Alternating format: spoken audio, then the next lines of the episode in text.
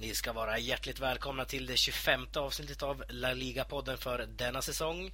I eh, kvällens avsnitt, eller dagens avsnitt när det här kommer ut såklart, eh, kommer vi bland annat att prata om eh, Madrid-derbyt som spelades nu i helgen. Vi kommer även att prata en hel del Espanyol, en del fördelar med hemmaplaner och lite grann om Europa League-lottningens åttondelsfinaler som ägde rum förra veckan. Eh, Daniel Jakobsson heter jag och med mig som vanligt finner vi min högra hand Sam Saidi. Eh, hur går det med din egen fotbollscomeback Sam? Du spelar ju faktiskt fotboll.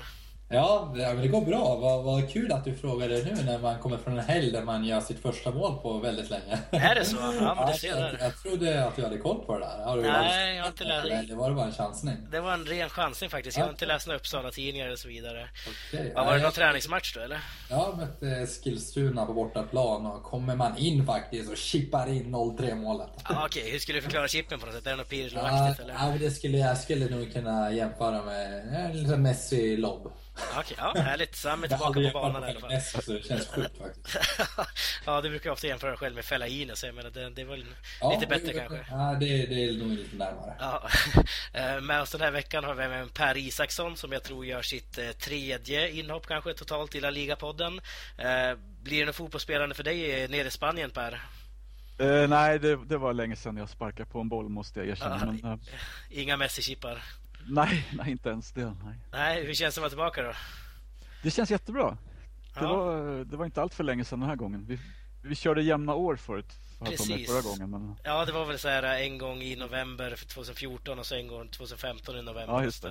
Eh, ja. Men nu kör vi lite mer kontinuerligt. Det är bra. Det händer mycket i Espanyol som är ditt lag så att säga. Ja, Uh, jag tänkte att vi direkt ska hoppa på uh, första programpunkten som är då veckans fråga. Förra veckan fick vi inte in någon fråga tyvärr. Uh, men efter det, när vi faktiskt ropar efter frågorna så har vi fått in en hel del faktiskt. Det tycker vi är jättekul.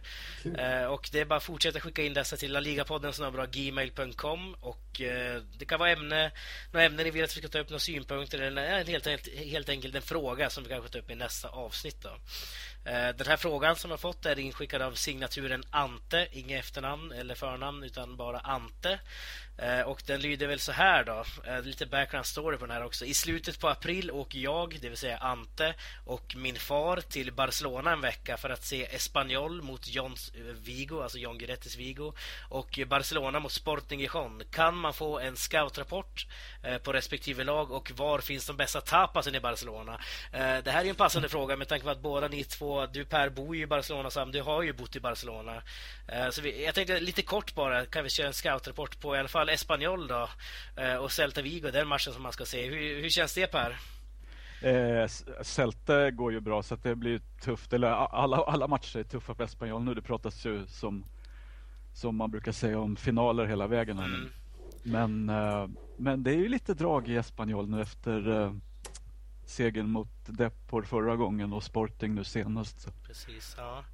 Det kan bli en bra match för att se kanske här Ante. Ja, jag tycker det ska bli kul att se Guidetti också förstås. Om, ja. man inte, om man inte gör för stort intryck på matchen så. Precis, du ser väl de flesta matcherna där har jag förstått. I, det gör jag, jag har säsongskort. Mm. Ja, härligt. Eh, du såg också en, match, en hel del matcher fast kanske framförallt för ditt Barcelona. Då. Eh, hur skulle du ge scoutrapporten på Barcelona och Sporting Gijon, den matchen som Ante också ska se? Ja, nej, nu måste jag tänka, när äger den här matchen rum? Är det det är inte nästa omgång va? Uh, nej. Nej, för nästa vet jag bara som heter Vaikan. Uh, hur som helst, men uh, det spelar väl mindre roll. Men, så det är svårt att ge en scoutrapport när man inte vet när matchen är riktigt. uh, men om vi bara utgår från dagsläget eller nuläget så ser det ju onekligen bra ut för Barcelona har väl dippat lite prestationsmässigt. Eh, har väl inte kommit upp i normalstandard eh, även om man har lyckats slå Arsenal med 0-2 och eh, slog Sevilla nu med 2-1 i helgen så har det ju mer varit individuell skicklighet som Barcelona verkligen besitter längst fram som har varit avgörande snarare än att kollektiva fungerar. Eh, så att jag önskar ska ju lite mer nu att man ska hitta tillbaka till de här fina kollektiva prestationerna. Ja. Gijon går ju tungt, det vet vi. Ligger på ja, Abelardo också tillbaka på kampen. Precis, Abelardo. Ja, det blir ju fint. Det, där kan vi ju verkligen, det kommer bli ett kärt återseende, så det kan bli trevligt på läktarna. Mm. Så det har jag alltid att se fram emot. Ja, härligt. Eh, den lite roligare frågan då, som faktiskt jag också undrar lite grann. Jag har ju aldrig varit i Barcelona heller. Eh, bästa tapasen Per, vart är det? Alltså det, det, är ju det är svårt att svara på. Det finns, det finns bra tapas eh, lite här och där. Det finns jättedåliga tapas lite här och där också. Sen beror det lite på vad man är. Om man vill gå på Michelin-ställen så finns det ju några sådana. Ja. Men det finns också mitt bästa tips det är en gata i Poble 6 som heter eh, Blaj, B-L-A-I. Ja. Där finns det flera ställen på rad man kan, man kan hoppa in och ut som man vill där och ja, prova, prova sig fram. En personlig fråga, finns det calamares och ensaladilla rosa där? Det är ju min favorit. Eh, ensaladilla rosa finns överallt. Calamares finns nog överallt också tror jag, eller nästan överallt. Ja, okay. Det ska jag tro. Ja, Sam, för dig då? Du bodde väl kanske på andra sidan stan av Barcelona. Det vet jag ju inte såklart. Det här slänger jag bara ur mig nu. Men borde, bästa tappaställe, kommer du ihåg det? Det var ju några år sedan du bodde där. ja, precis. Nej, men eh, jag kommer ihåg att det fanns ett riktigt så här, eh, turist... Jag vet inte om det är turist eller många local som går dit också. La Bogateria som ligger... Jag kommer inte ihåg riktigt var det ligger, men jag tror det var, var ganska centralt vid liksom, Turistgatan. Ramla längst ner mot hamnen där eh, någonstans. Så att nu blir det väldigt så här, ytligt. Min favorit låg ju dock också, så här, tappat namnet helt, låg i Barceloneta. I någon så här, äh, gata in där någonstans. det, är mina, det är mina barrios, jag bor på Barceloneta. Okay. Precis. Måste men, tänka. Äh, jag får återkomma om vad, vad namnet var. Men det var ett schysst tak. Det var så här billig öl och schysst, eh, schyssta, liksom, riktigt schysst tapas det, det, finns några sådana ställen här runt. Fast det händer ju mycket också hela tiden. De byter ägare och stil och alltihop. Ja, okay. Men... ja, och det här var senast jag var där var 2012 ska vi komma ihåg. Ja, okay. Ja. Eh, jag, jag tänkte bara ett annat tips är ju kanske att man ska undvika Ramblas. Verkligen. Just för att eh, liksom, allt, allt är dyrare och sämre där så det finns liksom ingen anledning. Alltså, det, det är trevligt att gå på Rambla men eh, äta och dricka där är ingen... attraktion. Ja, det har blivit det. Ja. ja, Ja men härligt, jag tror vi får släppa det lite grann och gå vidare här men eh, jag hoppas vi fick svar på det i alla fall någorlunda Ante. Om du vill ha lite mer specifikt om något tapasbar så skicka dig till Per så får han mejla eller någonting. Ja, gör, gör det. Ja, det blir bra. Eh, men eh, vi, går vidare. Så tänkte, jag tänkte att vi skulle snacka lite om Madrid-derbyt nu som var i helgen här. En match som faktiskt var liv eller död kan man nästan säga för eh, Real Madrid i ligan i alla fall. Och man är hemma på Santiago Bernabéu och torskar hemma med 1-0, 0-1 eh, mot Atletico Madrid. Ehm, hur upplevde du matchen Sam? Kände du att det var rättvist att Atletico gick ur den här matchen segrande? Ja, det kändes som att eh, det var en eh, taktisk triumf från Simeone och att han faktiskt spelade ut Zidane lite, lite på rutin. Han har fått lite kött på benen. Eh, men å andra sidan kanske det är lite magstarkt att säga att det var liksom Simeones förtjänst. Någon som vi vet ju vid det här laget hur, hur han spelar. En kompakt defensiv och, och vassa kontringar. Och Atletico följde matchplanen perfekt. Eh, och eh, då krävs det bara en liksom briljans av några, ja, i det här fallet Griezmann och Filipe Luis tror jag som kom runt där. Eh, en sekunds briljans så har man 0-1 och har man 0-1 med sig då är det väldigt svårt att komma liksom, och vända på det när man möter Atletico. Ja, du snackade lite grann om Simeone här. Vad, vad, vad tyckte du han utnyttjade? Var det farten där fram han utnyttjade Sam mot Zidans lag eller är det något annat du vill peka ut? Nej, mer att han eh, just liksom eh, fingertoppkänslan av, av, spelare och men, men framförallt det här eh, den här aggressiviteten eh, som ibland har försvunnit men som kommer lite fram, den fanns där och den här eh, noggrannheten måste jag framförallt lyfta fram och eh, försvaret var ju, ja, det var helt klockrent. Jag kan inte komma på något så här... Det känns som att man hade kontroll. Även när det blev farligt för Real Madrid så kändes det väldigt kontrollerat. Eh, man fick ta dåliga avslut. Så att det, det, han kändes på, det kändes påläst. Det kändes som att han hade gjort eh, hemläxan på ett helt annat sätt. Medan Zidane inte hade hittat nycklarna till att luckra upp det där försvaret. Ja, eh, den här förlusten nu för Real Madrid betyder att man ligger hela 12 poäng Ja, visst blir det. 12 poäng bakom Barcelona. Ja, precis det stämmer. Min matte funkar fortfarande. 12 poäng efter Barcelona. Skulle man kunna säga nu Per att Redan förra veckan pratade vi om att ligan är körd, men skulle man kunna säga nu att hela säsongen är ruin, som man säger, om man inte vinner en Champions League-titel nu till våren? Eh, det är ju faktiskt så de säger själva från Madrid-lägret att, eh, att eh, ligan är körd och nu är det bara Champions liksom som gäller.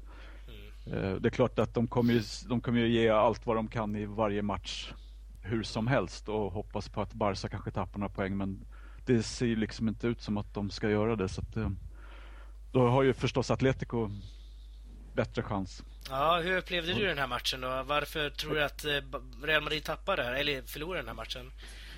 Alltså, jag tycker det, det som syntes för de stora skillnaderna var ju inställningen på något sätt. Att uh, Atletico verkligen strålade av den här Simeone-aggressiviteten och passionen liksom medans Real liksom lite ångest sådär. Kämpade i uppförsbacke hela tiden och hade pressen förstås på sig på Bernabéu och sådär. Mm. Det, det, det, såg inte ut att vara roligt att spela i vitt där liksom. Nej, precis. Eh, om jag förstått det rätt här också så var det här... Eh, eller det här är ju då Zidans första förlust också i Real Madrid. Men man har ändå pratat lite grann ett tag nu, några veckor i alla fall, om att det har varit lite småkris i Real Madrid.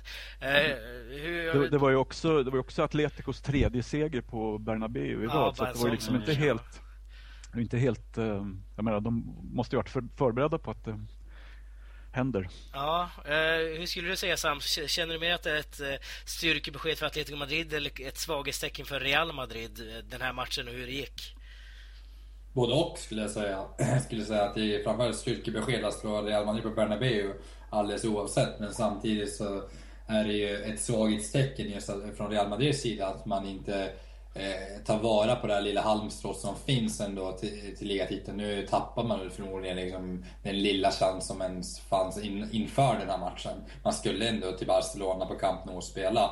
Eh, helt plötsligt där kunde det vara sex poäng ner bara och då kan ju hända saker. Men nu att man eh, inte ens kunde ta vara på den här chansen, eh, även om man möter ett väldigt bra motstånd och, och, inte kan ha bättre inställning eller mer passion. Mm. Det är ett svaghetstecken.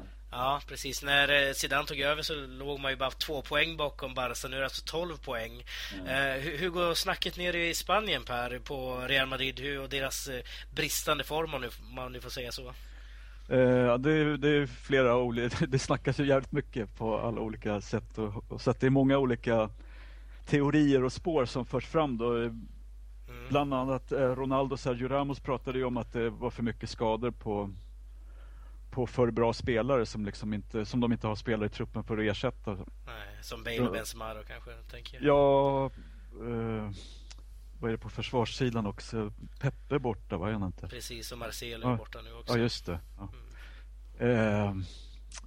Eh, och Ronaldo sa ju lite ofint där efter matchen att om de hade elva spelare som var lika bra som han så skulle det inte vara något problem. Men, ja.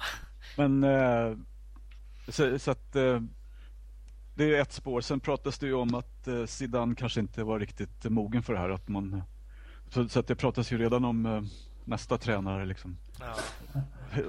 då spekuleras det i Valverde och Pochettino. och eh, nu senast såg jag precis de pratade om eh, Rai och vad heter han? Paco Genes. Ja. ja. det skulle vara intressant såklart. Eh. Ja, lite störsteg kanske men helt klart intressant. Ja, han, han eh, är ju en tuffing liksom. Det är kanske är det de behöver lite. Ja.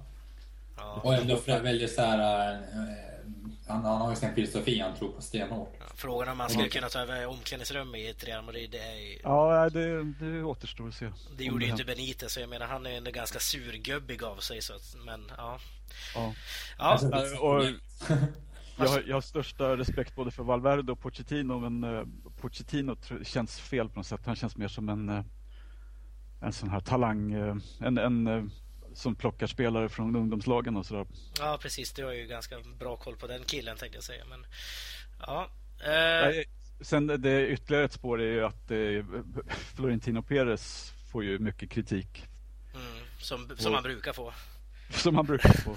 Från alla håll utom Atletico hörde jag nu när de spelar mot... Eh, eh, vilka spelar de mot nu?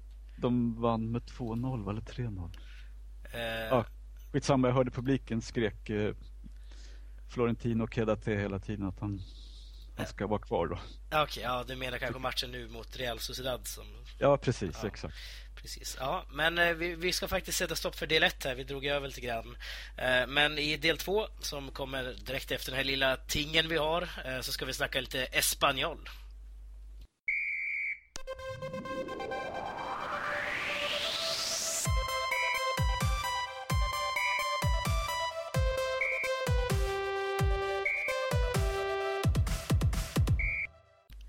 Med såväl ny manager som ny ägare har de senaste månaderna varit relativt stökiga i Espanyol eh, med blandad form och uteblivna resultat framför allt. Men eh, efter 2-4-segern i helgen borta mot Sporting Gijon verkar nu Espanyol sakta komma tillbaka i bättre dagar.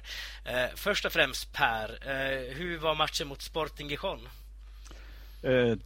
det var ju en häftig match, alltså särskilt kan jag tänka mig för neutrala åskådare för det var ju verkligen fram och tillbaks och mm. från mål till mål. Precis. Eh, ur Espanyol-ögon sett så, så kändes det fantastiskt bra att de lyckades komma igen från underläge och sen dessutom ökade på när, när det kändes som att Sporting var nära att ta sig in. Ja, de var ju grymt nära. De hade två ribbträffar och ja, det var, det var ett drama.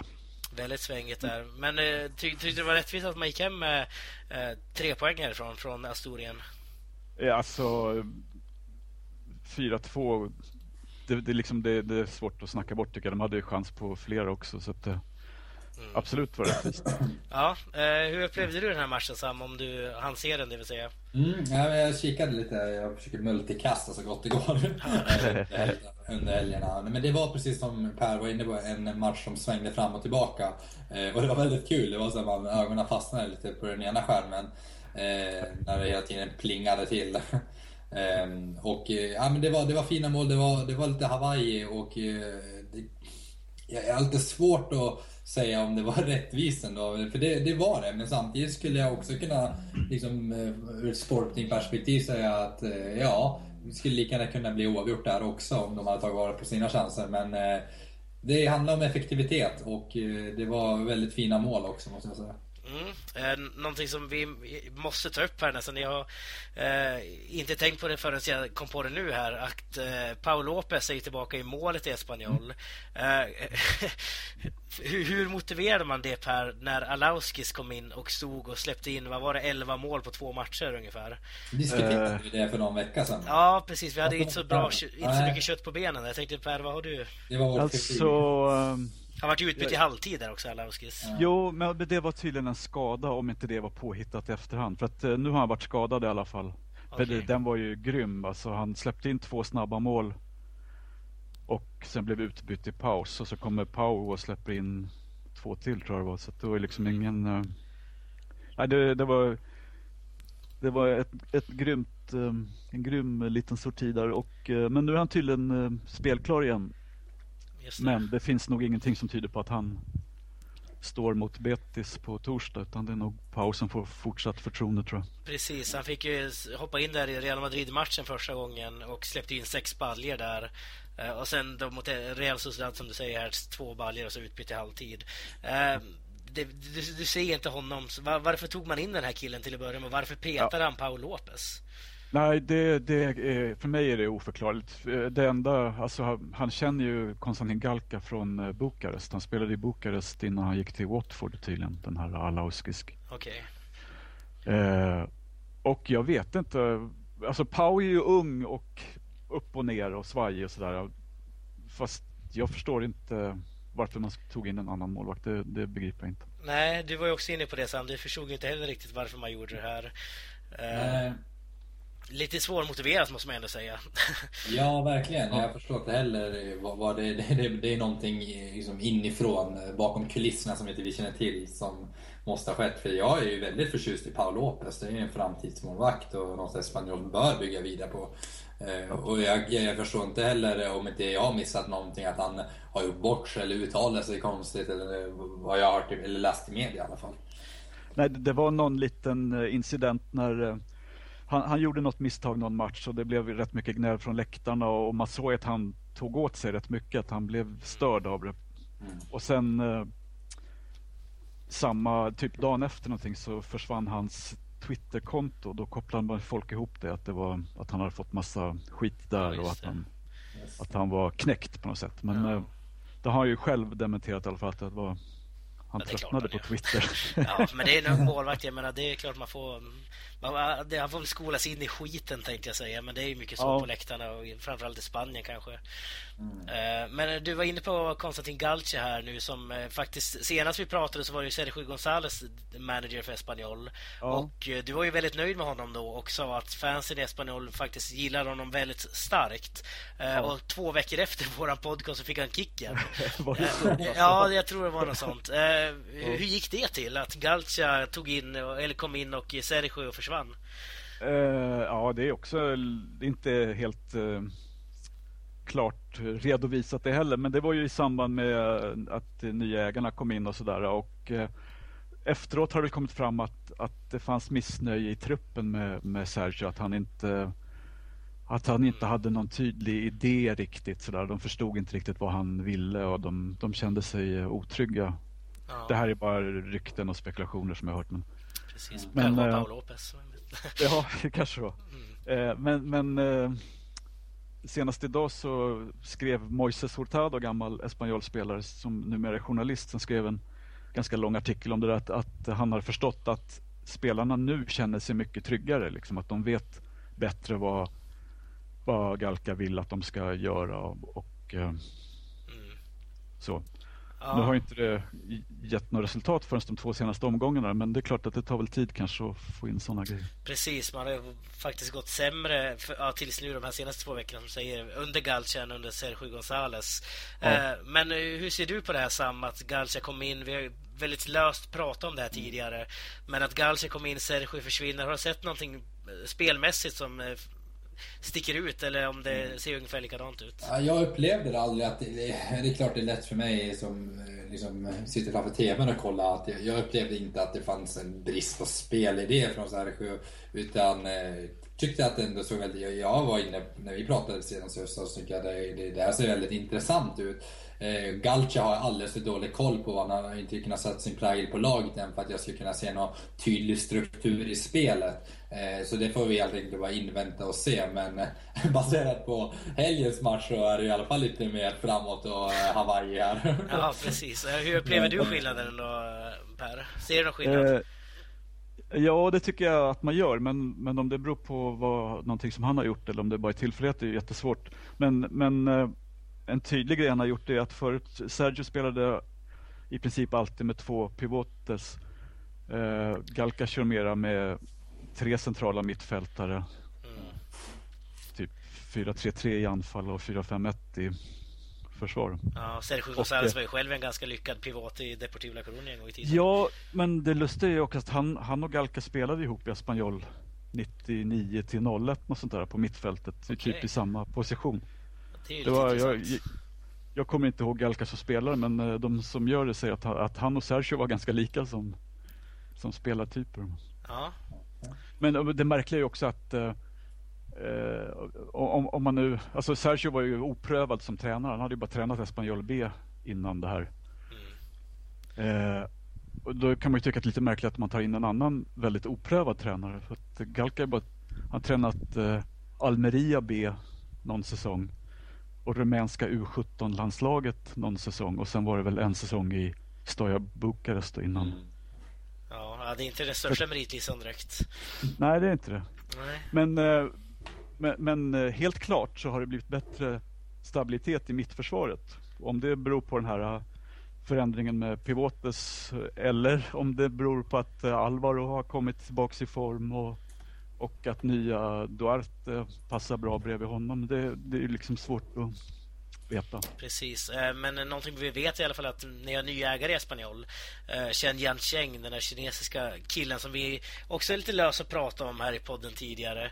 Eh, vad säger du nu då Sam, de första här veckorna om vi nu säger så. Han har varit i klubben den första månaden i alla fall. Ty tycker han fortfarande känns som en seriös lösning för Espanyol? Har du någon koll på det? Uh Det är också för tidigt att säga. Jag tror inte på de här det, det, det, jag kan säga, I spansk fotboll har det inte slutat så bra tidigare om man säger så. Eh, och det är väl lite kanske hårt att basera en, bygga upp en kritik baserat på vad andra klubbar har hittat på. Ja. Eh, men jag har ju ingen bra magkänsla om man säger så. Tror du han kommer investera stort i Espanyol idag? Ja, alltså det skulle vara... Jag var inne på det för någon podd sen, att jag, jag välkomnar ett Espanyol Eh, Eh, så man får ett, liksom ett, ett schysst derby mot Barcelona alla Real Madrid Atletico. Eh, även sportsligt. Det är väldigt schysst eh, även utöver, eh, eller just nu. Jag har ju själv varit på Barcelona Espanyol. Det är schysst, bra tryck på läktarna och så. Men även att Espanyol skulle kunna, kunna, kunna konkurrera. Det hade varit kul för staden och för fotbollen i Katalonien tror jag. Eh, och få ett Espanyol som är högre upp i tabellen än vad de är just nu. Ja, Per, jag skickar frågan till dig då. Vad, vad har han lovat ditt Espanyol egentligen? Har han lovat någonting? Han har lovat Champions League om tre år. Mm. Ja, om man kan stå upp det så är jag nöjd. Men det gjorde han med ett leende så att det var kanske... Ja. Han, han, han vet väl vad som han förväntas säga. Ja, känns det som att han har någon förändring, förändringsvindar med sig här? Eh, alltså, jag tycker, mitt intryck är att, att det är väldigt seriöst. Han, det första han sa var att vi ska inte, vi är beredda att investera mycket pengar men vi ska inte börja med att investera i spelare utan vi ska lösa skulder och sånt först. Så att det, det, han, han har pröjsat in, vad det nu var, 11 miljoner euro till skattemyndigheterna här. Det första han gjorde. Så att, eh, ja, det är snyggt faktiskt. Ja, det känns rätt uh, seriöst någonstans i alla fall. Ja, men sen vet man inte. Alltså, om man leker med tanken att Espanyol skulle åka ur, vad, vad gör han då? Liksom, hur kul tycker han det är då? Precis, vi såg ju bara på Racing hur, det var, hur, hur roligt de tyckte det var där efter ett tag. Ja. Eh, men eh, lite kort här tänkte jag, vi börjar in ut om tid här, även i den här delen. Eh, så tänkte jag vi skulle snacka om sjukdom som har drabbat Espanyol. Och nu ja alla ni som ska bli läkare och så vidare, ni får säkert rätta mitt uttal på den här sjukdomen, men eh, gastroenterit. Gastroenterit, kan det vara riktigt kanske? Eh, det, det, har drabbat Espanyol i alla fall och hela åtta spelare har blivit sjuka av detta. Eh, och redan nu på torsdag spelar man alltså mot Real Betis. Tror, hur, hur, går snacket ner i Barcelona om det här Per? Vad påverkar sjukdomen och är den allvarlig? Alltså det har pratats, eh, det har svängt fram och tillbaka under dagen. Det är alltså gastroenteritis, det, det kan vara matförgiftning och det kan vara någon slags eh, magvirus. Sådär. Ja. Och, och, det har de inte lyckats reda ut än vilket av dem det är. Just så att, eh, man, man, vet inte om de har käkat på samma dåliga ställe allihopa eller, eller om det är någon som har smittat de andra på något sätt. Det, de, man har noterat att det bara är spelare som var med i eh, Gijon som har blivit sjuka. Okej. Okay. eh, och, men, men så i morse prat... alltså.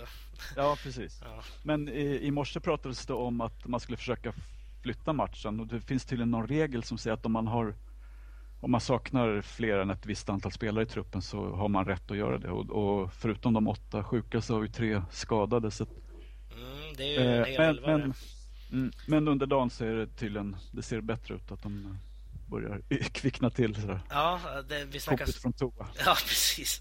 Vi snackar alltså om en liten magsjukdom här Sam. Du som är fotbollsspelare eh, på en hyfsad mm. nivå ändå i Sverige. Eh, skulle du spela med magsjuka i en sån här match? Uh, jag tror jag, ja, grundregeln är att har man magsjuka så får man inte ens vistas med det här laget så att det ska smittas. Eh, men nu när halva laget, eller när åtta spelare har fått det så så kanske de inte har så mycket till val, men det är klart att det är svårt att spela sjuk. Alltså det är svårt att spela med smärtor eller när kroppen är seg. Och, ja, på, jag vill inte veta hur svårt det måste vara på La Liga-nivå. Precis, så om de, den här matchen nu skulle bli av, tror du att eh, det kommer påverka spelarna och laget då? Eh, ja, absolut. Det gör det. Sjukdom. Alltså, det är ju, ganska, det är ju en magsjukdom och lite lustigt att, det här, att vi pratar om det här. Jag hade faktiskt ont i magen idag på träningen. jag, jag har också gått och känt hela dagen ja, faktiskt. Att det... det är någonting som går spanjolspelarna har smittat oss alla. Ja, men det var vad jag kände det här vid löpning på slutet och jag tog mig själv för magen men jag, jag bet ihop och körde. Ja, härligt. Ja, med de där orden så tror jag att vi ska sätta stopp för del två och när vi är tillbaka del tre ska vi vi snackar lite gott och blandat kan man väl ändå säga.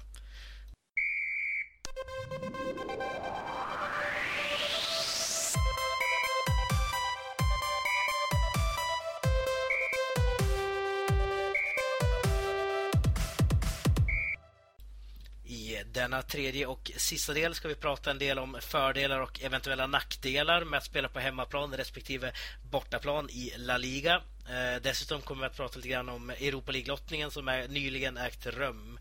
Eh, men först och främst, som sagt, ska vi ta, ut, eh, ta itu med hemmaplan och bortaplan i La Liga.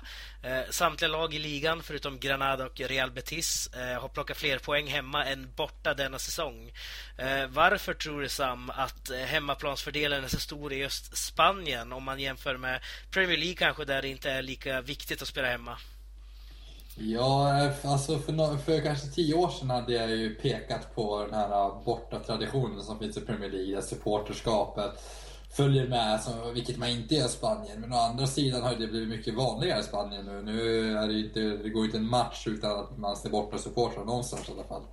Mm. Eh, men det är kanske en enkel förklaring. Annars så är väl också en annan enkel förklaring att eh, man är helt enkelt tryggare på, på sin hemmaplan. Så enkelt är det. Man, man kan förbereda sig på ett, helt, på ett annorlunda sätt. Eh, man, man går igenom sina rutiner inför matchen eh, som man är van vid, som kroppen är van vid, apropå magsjuka. Eh, så att eh, det är ofta det är sådana så praktiska saker utanför som ofta avgör. Precis, och här nu i sista sekund säger jag också att även Atletico Madrid faktiskt är bättre på bortaplan än hemmaplan. Vilket sticker ut en hel del, för det är enda laget på topp 10 som faktiskt är det. Mm. Uh, Fast, men de har spelat färre matcher Precis, de har spelat hemma. två färre matcher förvisso hemma. Men mm. ja. Men det blir ändå ganska svagt. Det blir helt okej okay om de vinner dem.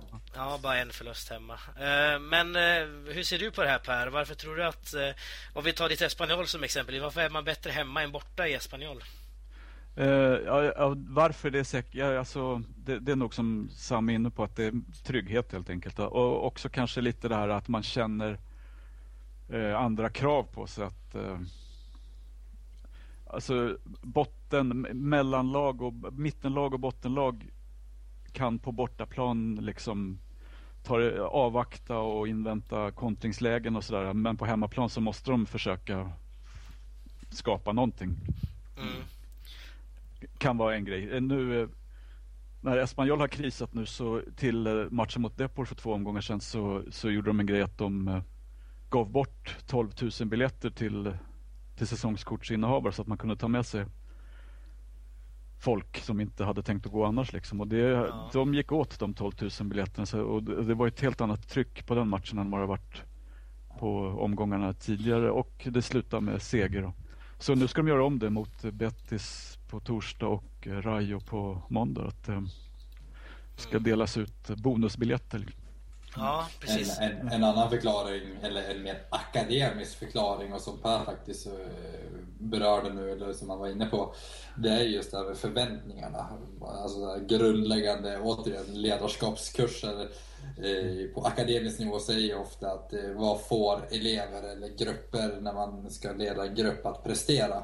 Då är det att ha förväntningar. Ha förväntningar på dem och det hänger nog också ihop väldigt mycket har förväntningar på spelarna har, får andra, eller har andra förväntningar när de är på hemmaplan och då presterar man också oftast bättre. Mm, säger lärarkandidat Sam eh, Men, eh, jag hoppas jag. Jag ska spänna in till min eh, lärare tror jag. ja, det är nog lika bra. Men mm. om vi kollar på hemmaspel och bortaspel här nu.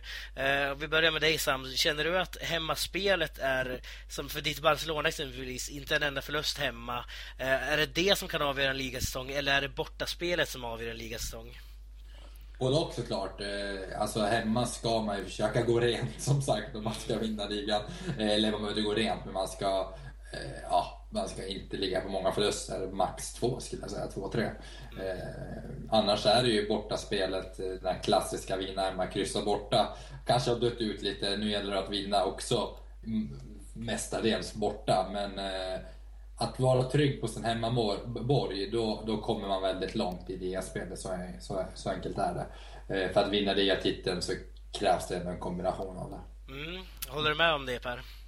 Eh, absolut, jag är det. Men eh, en annan sak är att det är intressant med att det är just Bettis som är ett av de lag som inte lyckas på hemmaplan eftersom de har så fantastisk ja, hemmapublik. Liksom. Så mm. i, det, I det fallet så känns det som att då är det för mycket press på något sätt att de inte klarar av att hantera det riktigt. Precis. Ja, för det där, det där tror jag också kan, man, man kan prata om förväntningar och liksom press och att det ska göra att spelarna presterar. Men blir det där för mycket så kan det ju bli motsatt effekt. Eh, så, så är det, att man, all, allting låser sig istället. Ja, något liknande har det blivit även på eh, resor måste man ändå säga. Eh, Deportivo har ju tagit lika många poäng hemma som borta och eh, där har vi också väldigt bra fans som sjunger med och lever med hela matcherna och det kanske är någonting som ni säger att det är förväntningarna som blir för stora för ett ganska ungt Deportivo och kanske även Betis i det här fallet. Då. Mm. Jag tänkte att vi ska gå vidare lite grann och snacka om Europa League-lottningen lite kort här nu. Eh, det är de här åttondelsfinalerna som nu har lottats och där ser vi bland annat ett helspanskt möte mellan Athletic Bilbao och Valencia. Eh, via Basel mot Sevilla och Villarreal mot Bayer Leverkusen. Ehm, rent generellt här Sam, hur, vilken match ser du mest fram emot eller vilken tror, vilka har du mest förhoppningar på?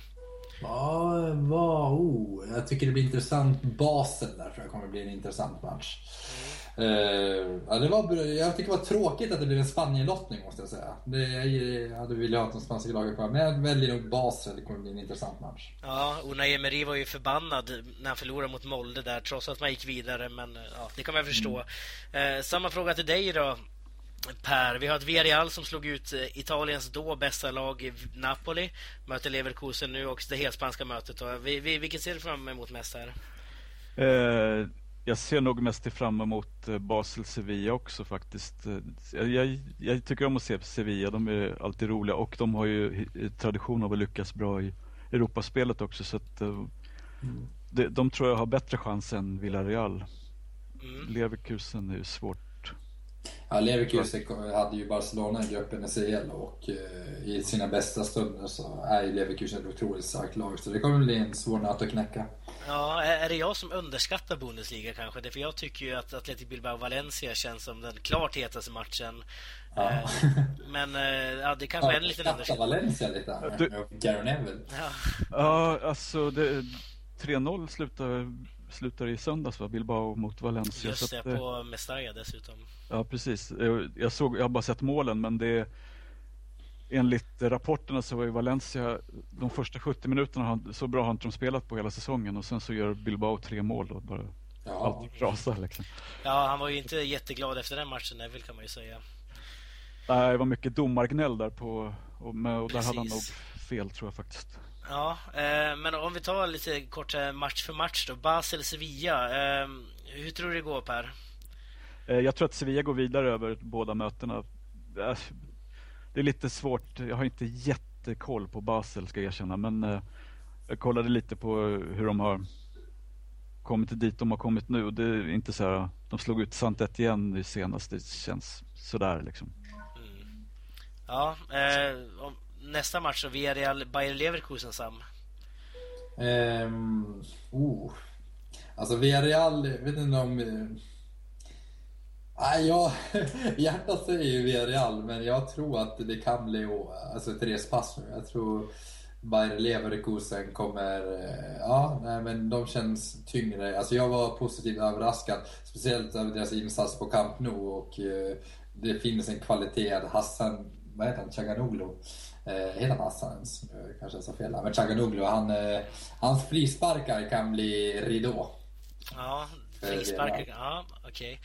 Uh, Athletic Bilbao Valencia då. Uh, du kanske, som du var inne på Per, var inne på lite mer Athletic där, tror du det? Uh, ja, alltså jag tycker det är intressant med Valencia, för de borde kunna prestera bättre än vad de har gjort mm. på sistone. Och det är också intressant att, vad som händer på bänken där om, och hur, hur länge får Neville hålla på och inte lyckas liksom. Men eh, att döma av den matchen nu senast så är det ingen tvekan om att Bilbao tar hem det.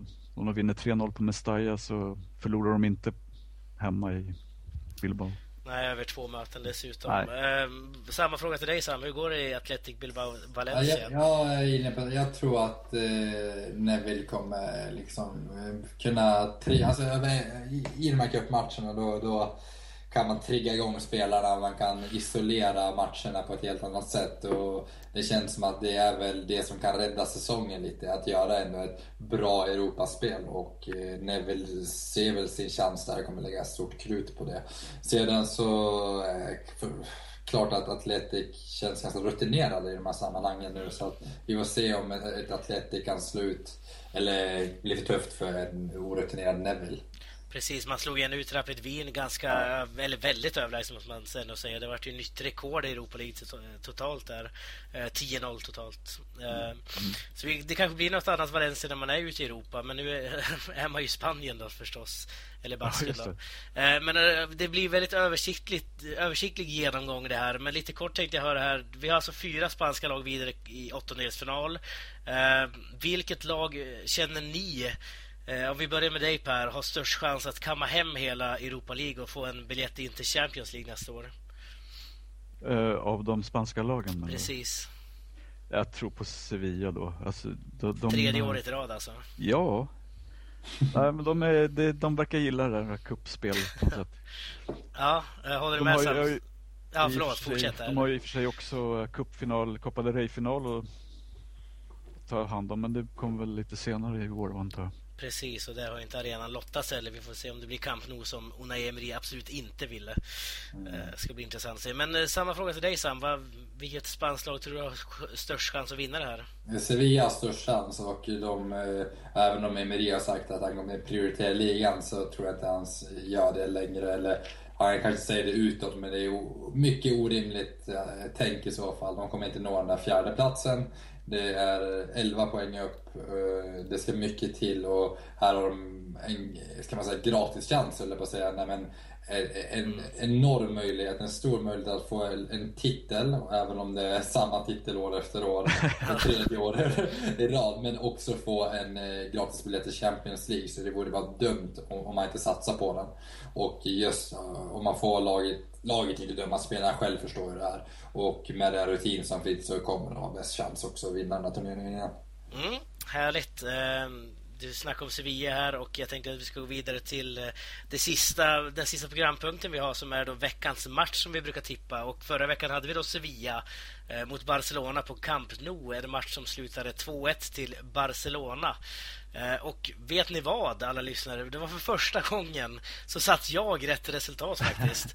Eh, jag gissade på 2-1 i den här matchen och jag inkasserade mina första två poäng i den här tävlingen som vi ännu inte har redovisat. Nej, det gör vi i slutet av säsongen när vi kommer fram till det. Ja, precis. Det får bli så.